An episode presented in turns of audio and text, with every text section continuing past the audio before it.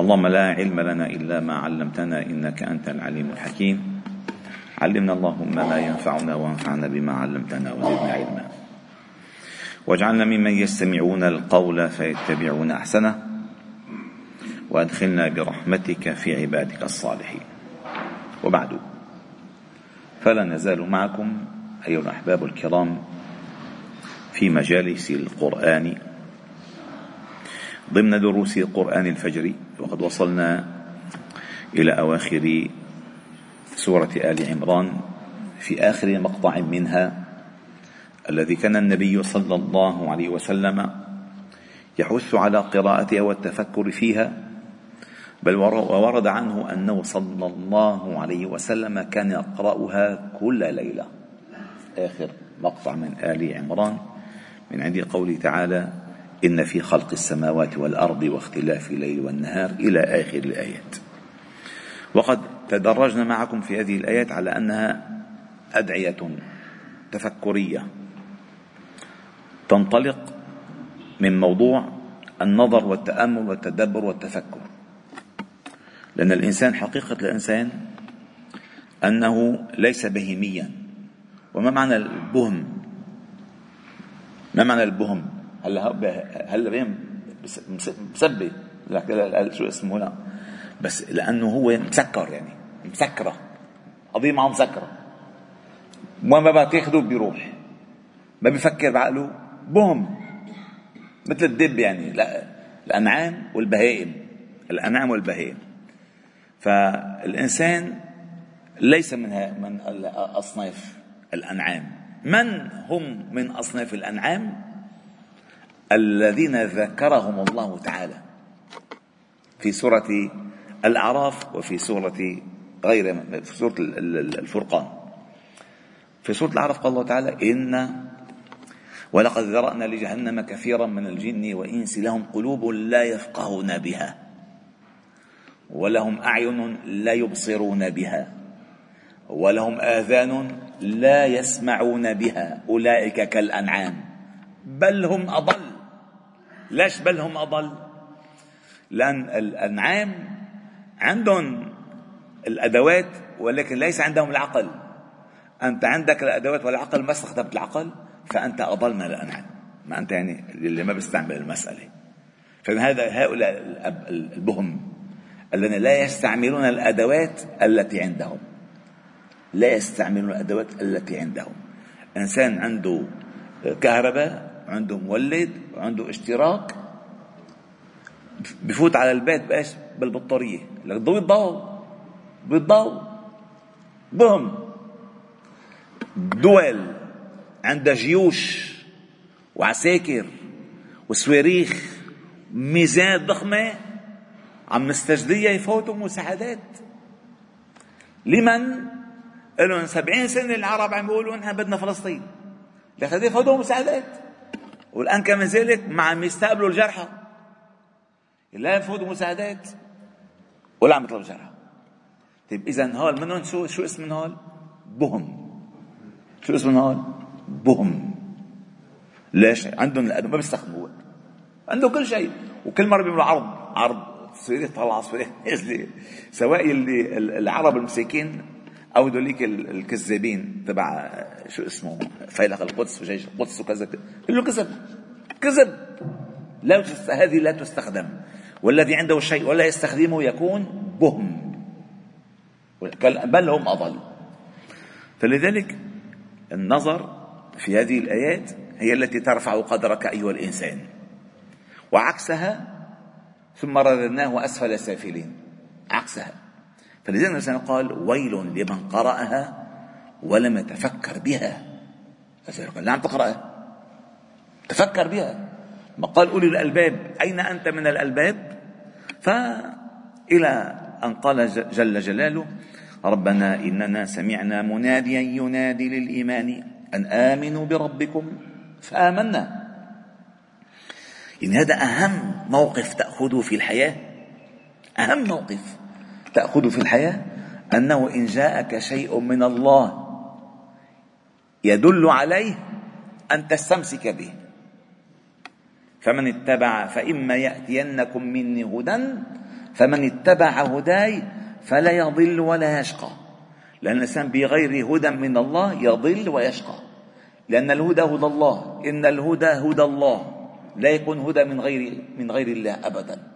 فإذا أكبر خطر على الإنسان وأهم قضية ينبغي أن يحملها أن يفتش الطريق التي توصله إلى الله وأن هذا صراط مستقيما فاتبعوه ولا تتبعوا السبل. الجن الجن الجن هو العالم الرهيب الذي لا نعرف عنه إلا ما ذكره الله لنا في كتابه.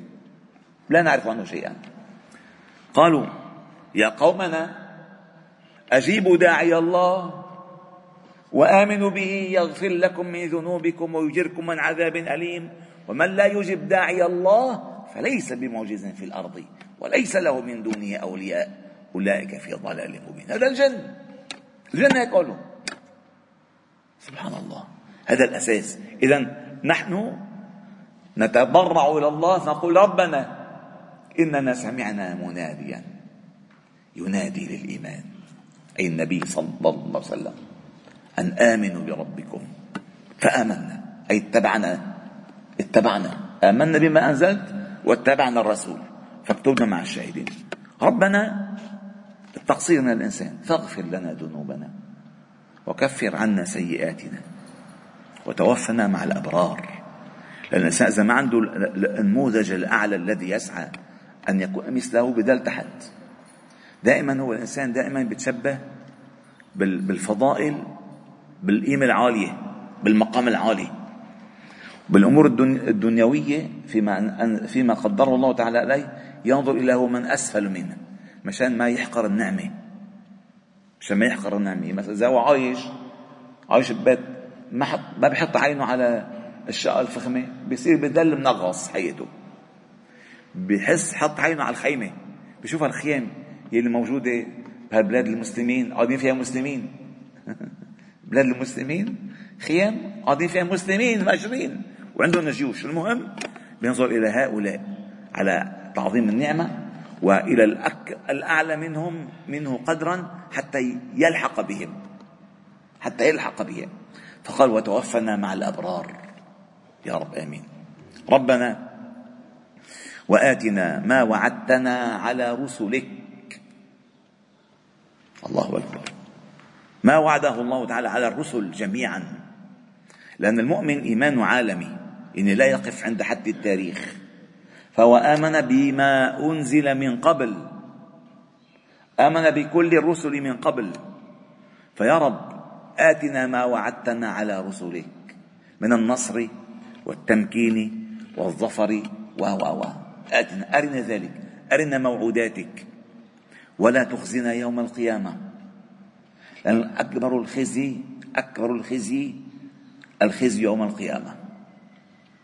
الذي يخسر نفسه في الآخرة هذا هو الخسران المبين. حتى ورد في, في ورد في بعض الأحاديث أنه من أخطر الخزي أنه الإنسان الإنسان لما يعرض على الله عز وجل بأعماله السيئة ويناقش في هذه الأعمال. ينزل عليه من الخزي كما ورد في الحديث ما لو يتمنى أن يدخل النار ويخلص من الشغلة خلص دخلوني النار خزي يا لطيف. وفي سورة ال ال ال الهود يا لطيف. ومن أظلم ممن افترى على الله كذبا أولئك يعرضون على ربهم. ويقول الأشهاد الملائكة هؤلاء الذين كذبوا على ربهم. شو شو هالفضيحة شو هالفضيحة فضيحة كبيرة. قال ولا تخزنا يوم القيامة. إنك لا تخلف الميعاد. هل هناك حديث ينبغي أن تسمعوه؟ ذكره الإمام أورده الإمام ابن كثير في تفسيره. وعند هذه الآية وهي مناسب. يعني سبحان الله تجي موافقات يا أبو عماد موافقات من الله. قال الإمام ابن كثير وذكر الإمام أحمد قال حدثنا أبو اليمان حدثنا إسماعيل بن عياش عن عمرو بن محمد عن أبي قال عن أنس بن مالك رضي الله عنه قال قال النبي صلى الله عليه وسلم عسقلان؟ أوف عسقلان. أحد العروسين. يبعث الله منها يوم القيامة سبعين ألفا لا حساب عليهم ويبعث منها خمسين ألفا شهداء وفودا إلى الله وبها صفوف الشهداء. رؤوسهم مقطعة في أيديهم تثز أوداجهم دما يقولون ربنا وآتنا ما وعدتنا على رسلك. ولا تخزنا يوم القيامة. إنك لا تخلف الميعاد. فيقول صدق عبدي اغسلوهم بنهر البيضة فيخرجون منها نقاء بيضاء ويسرحون من الجنة حيث يشاءون. هذا ثغر ثغر. إذا الآن ما ترون الآن ما قضية حماس وغزة. هذا ثغر للمسلمين يا حبايب ثغر. ثغر لأنه أفاهم حيث كان يغزو الأعداء بلادنا هذا البحر المتوسط يفوتوا من المضيق ويغزو بلادنا.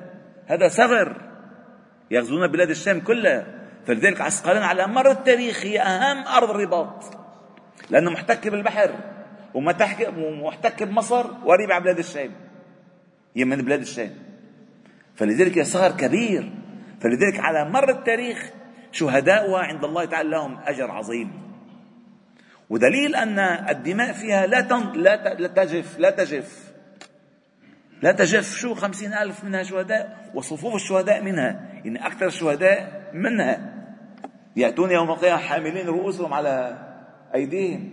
يا الله يا الله. هذه الكرامة الهائلة. فلذلك آه النظر إلى الأحداث إذا ما بننظر لها من منظور قرآني بنصير نتحطم من الداخل يا أخي. إنه شو عم بيصير؟ وين الله؟ أنا ما أين المصير؟ أين المصير يا أخي؟ رضيوا رضيوا آه، بغزة وسلموا كذا وتابوا إلى الله وبلشوا مسكوا مسابح وخلص العيشة بذلة هيك يعني بيموتوا على الجنة وينفوه ينفخون روح ال ال ال ال الأمل والجد في الأمة بتطلع هيك بتلاقي ولد صغير عم يلقن أخوه الصغير الشهادة وولد مجروح عم يقول له لأبوه اصبر يا أبي. هذا ما بيجيك الشهيلة أم مبسوطة بشهدائها رجل عم يقول يا أخي اثبت منك زلمة أنت. شو؟ لا تبكي اثبت هذا ما بيبعث الأمل بالأمة. من هو؟ هكذا تنهض الأمة. هكذا تنهض. هكذا وإلا لن تنهض. فلذلك الإنسان يصطبر ويصابر. آخر آية بآل عمران يا أيها الذين آمنوا اصبروا وصابروا ورابطوا. ورابطوا. والصبر هو أساس النصر. لو لم يكن صبر لن يأتي نصر. الصبر هو الذي يأتي بالنصر فلذلك ربنا وآتنا ما وعدتنا على رسلك. ولا تخزنا يوم القيامة. إنك لا تخلف الميعاد. الحمد لله رب العالمين. سبحان الله وبحمدك أشهد أن لا إله إلا أنت. نستغفره ونتوب إليك وصلي وسلم وبارك على محمد وعلى آله وصحبه أجمعين والحمد لله رب العالمين.